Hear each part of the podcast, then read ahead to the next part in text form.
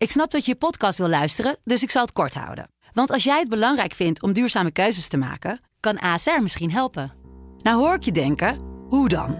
Nou, bijvoorbeeld bij het duurzaam herstellen van schade. Of de premies die we beleggen volgens ons duurzaam beleggingsbeleid. Dat bepaalt waar we wel en juist niet in investeren. Wil je meer weten over welke duurzame keuzes ASR maakt? Ga dan naar asr.nl slash duurzame keuzes. ASR doet het. Zo, dan kan je nu lekker naar je podcast luisteren. Dit is het Telegraafkwartier. De dagelijkse nieuwspodcast van de Telegraaf. Met Michiel Kooijman.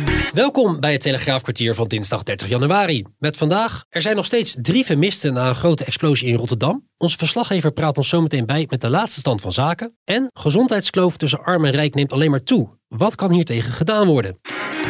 Rotterdam is gisteravond opgeschrikt door een flinke explosie. Onze verslaggever Gerda Frankhuis was gisteravond te plaatsen en is daar nu nog steeds. Gerda, even terug naar gisteravond. Wat uh, trof je er aan toen je er aankwam? Ja, een enorme ravage. En heel veel mensen die ontredderd waren. Want ja, die hebben geen dak meer boven hun hoofd. Ik kwam eraan en er was natuurlijk al een hele penetrante brandlucht. Het stond hier vol met uh, politie, brandweer. Het leek wel een oorlogszone. Ja, want het is een enorme explosie geweest. Om hoeveel appartementen en huizen gaat het die uh, beschadigd zijn geraakt? Ik begrijp net dat er 44 appartementen onbewoonbaar zijn verklaard. En die mensen, want net werd ik ook al aangeschoten door een bewoner. En die zei, ja, wat moet ik nu? Waar moet ik nu heen? Er is ook wel een beetje paniek uh, bij hun. Want ze weten ook natuurlijk niet wanneer ze terug kunnen. Want de ravage is gewoon enorm. En zeker bij het pand waar die explosie is geweest. En daarboven, ja, nou, die appartementen zijn compleet uitgebrand. Daar gaat helemaal niemand meer terugkomen. en wat is er gisteravond gebeurd met die uh, mensen die niet meer naar huis konden? Die bewoners zijn opgehaald door een bus en die zijn gebracht naar een sporthal waar ze zijn opgevangen. En de meesten hebben gewoon wel de nacht doorgebracht bij familieleden. Ja, en je zei zojuist dat die huizen onbewoonbaar zijn verklaard. Dat betekent dat die bewoners voorlopig niet naar huis kunnen. Wordt er dan spoed uh, iets voor ze geregeld dat ze ergens kunnen wonen? De woningbouwvereniging was hier wel, want het zijn allemaal huurappartementen. Daar zijn ze nu natuurlijk heel snel een oplossing voor aan het vinden. Ja, en jij hebt ook veel omwonenden gesproken vandaag.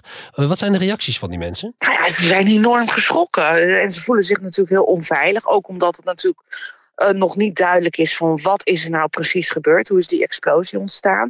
En ze beseffen ook wel dat ze door het oog van het naald zijn gekropen. Omdat daar op de hoek zat daar een vuurwerkopslag. En daar, zo hoorde ik, gewoon zou 1500 kilo vuurwerk liggen. En, en ze hebben wel zoiets van ja, hoe kan dat in zo'n druk bevolkt gebiedje. Dat daar überhaupt een vuurwerkopslag zit. En je zag gisteravond ook, hebben ze in allerijl hebben ze al het vuurwerk daar weggehaald.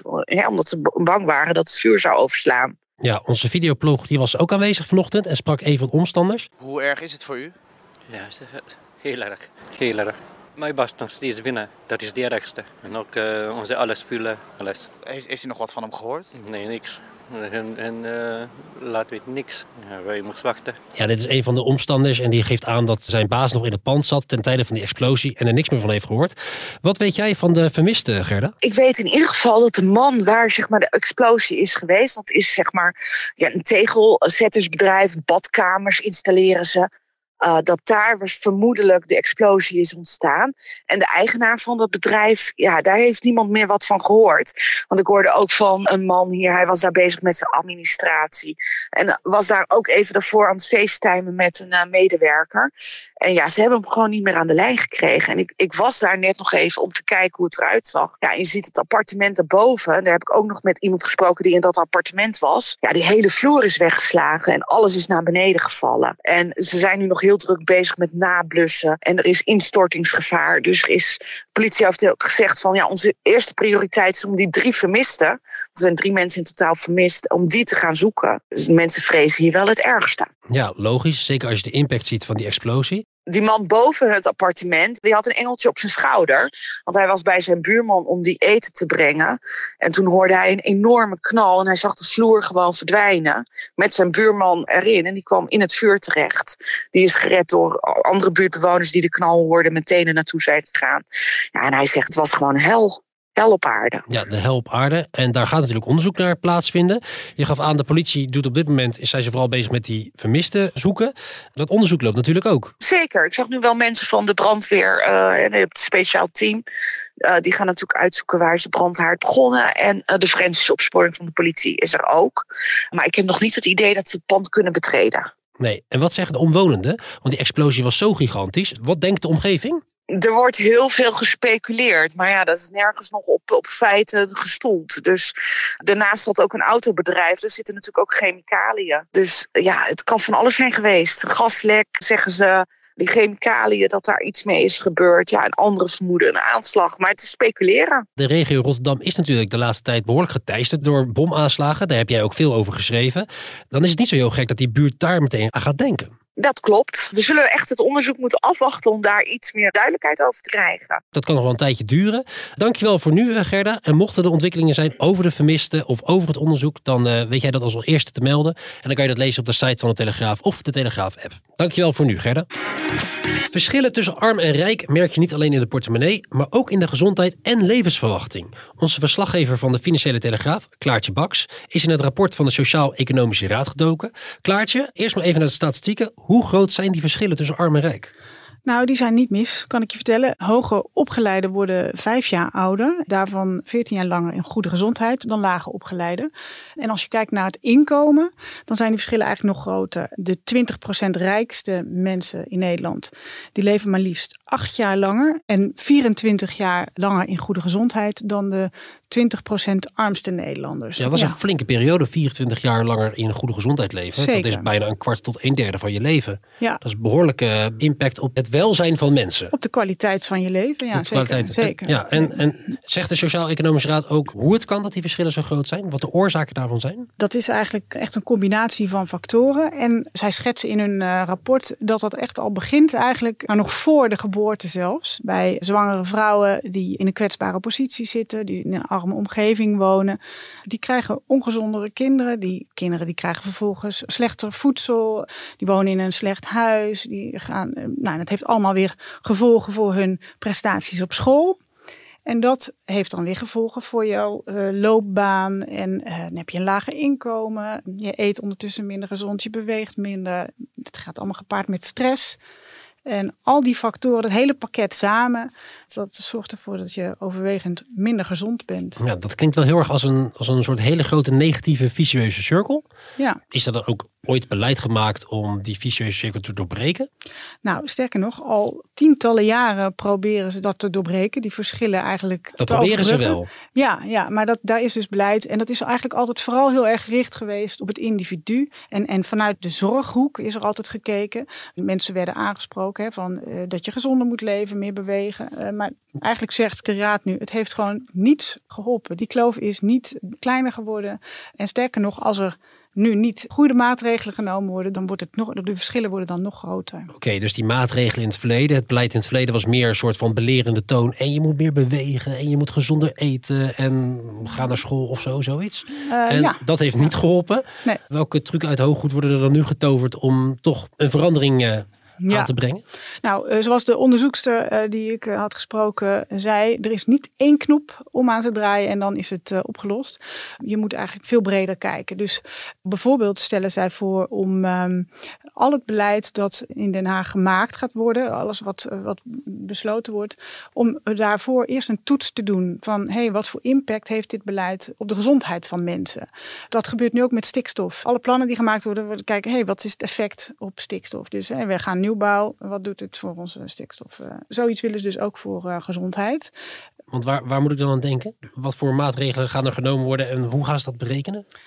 Die norm hebben ze nog niet, eh, nog niet gesteld. Maar eh, je kan je wel voorstellen bij plannen voor de huurmarkt of dat er dan gekeken wordt. Zijn er voldoende mogelijkheden voor mensen om ook in zo'n goed gebouwde woning te komen? Of zijn die er helemaal niet? Is het alleen toegankelijk voor de hoger opgeleiden die al zo gezond leven?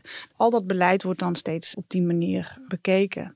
Maar goed, dat is één, een overall eh, voorstel wat ze doen. Verder eh, stellen ze echt een heel pakket aan maatregelen voor op het gebied van wonen, op het gebied van zorg, op het gebied van eh, onderwijs. Nou, laten we een paar van die maatregelen doornemen. Even kijken of we er wat, ja, wat chocola van kunnen maken. Op het gebied van wonen, je gaf net al aan, nou, als er dan nieuwbouwhuizen komen, is er dan voor die arme groep, hebben die dan ook de, de mogelijkheden om in een goed, goede woning te wonen? Op het gebied van eten en voeding, zijn daar specifieke maatregelen die genomen moeten worden? Ik vroeg ook van, ja, we krijgen dan de, de suikertax en Ja. dat soort, uh, dat het uh, ongezonde voedsel duurder wordt. Die maatregelen hebben zij niet voorgesteld. Ze, hadden, ze hebben heel erg gekeken bijvoorbeeld naar de arbeidsmarkt. Zij zeggen van, er zijn echt de laatste tijd heel veel mensen bijgekomen met flexibele arbeidscontracten. Ja, de ZZP'ers. De ZZP'ers, onder andere, de grootste groep is natuurlijk ZZP'er. Ja. Voor een ICT'er die een ton per jaar verdient, prima. Hè? Dat, maar een hele grote groep ZZP'ers die zit aan die onderkant van die arbeidsmarkt. Ja, die verdient uh, niet veel. Die is onzeker over de toekomst, over zijn uren. En, en, dat levert ook heel veel stress en onzekerheid. En dat is dus ook weer slecht voor iemands gezondheid. Oh, en dat resulteert dan weer dat iemand weer slechter voor zichzelf gaat zorgen, slechter gaat eten ja. en dan uiteindelijk minder grote kwaliteit van leven heeft. Ja, ze zien gewoon dat mensen in zulke soort posities, die zijn, zitten sneller ziek thuis. En dat kost ons ook als samenleving dan geld. Ja, want dat vraag ik me dus heel erg af. Hè? Van, je, je hebt in Nederland het recht om je eigen leven zo mooi en zo slecht mogelijk in te delen als je zelf wil. Als jij de hele dag naar de McDonald's wil en slecht voor jezelf wil zorgen, dan kan dat. In hoeverre is dan de verantwoordelijkheid van de overheid om dan nou, zovergaande maatregelen te nemen om die groep gezonder te krijgen? Ja, er wordt al snel gesproken van, uh, oh, dat is betuttelend ja. of zo. Ja, nee, dat, dat snap ik. De afgelopen jaren is dat dus, dus heel erg in dat beleid om die gezondheidskloof te verkleinen, is altijd heel erg gericht geweest op de eigen verantwoordelijkheid van de burger. Nou, dat werkt dus niet. Oké, okay. het werkt niet om de eigen verantwoordelijkheid nee, te benadrukken. Nou ja, er is ook een gezamenlijk belang. Hè? Dus in die zin is het ook in het belang van, de, van ons allen dat we met elkaar uh, gezonder zijn. Ja, maar je kan mensen toch niet verplichten? Als mensen langer thuis zitten of lang thuis zitten, dan kosten zij zorggeld. Ze doen een beroep op die zorgsector die al overbelast is. We hebben te weinig zorgmedewerkers. Daarnaast kosten zij uh, uitkeringen die ze krijgen. En daarbij, we hebben een arbeidsmarkt waar grote tekorten zijn.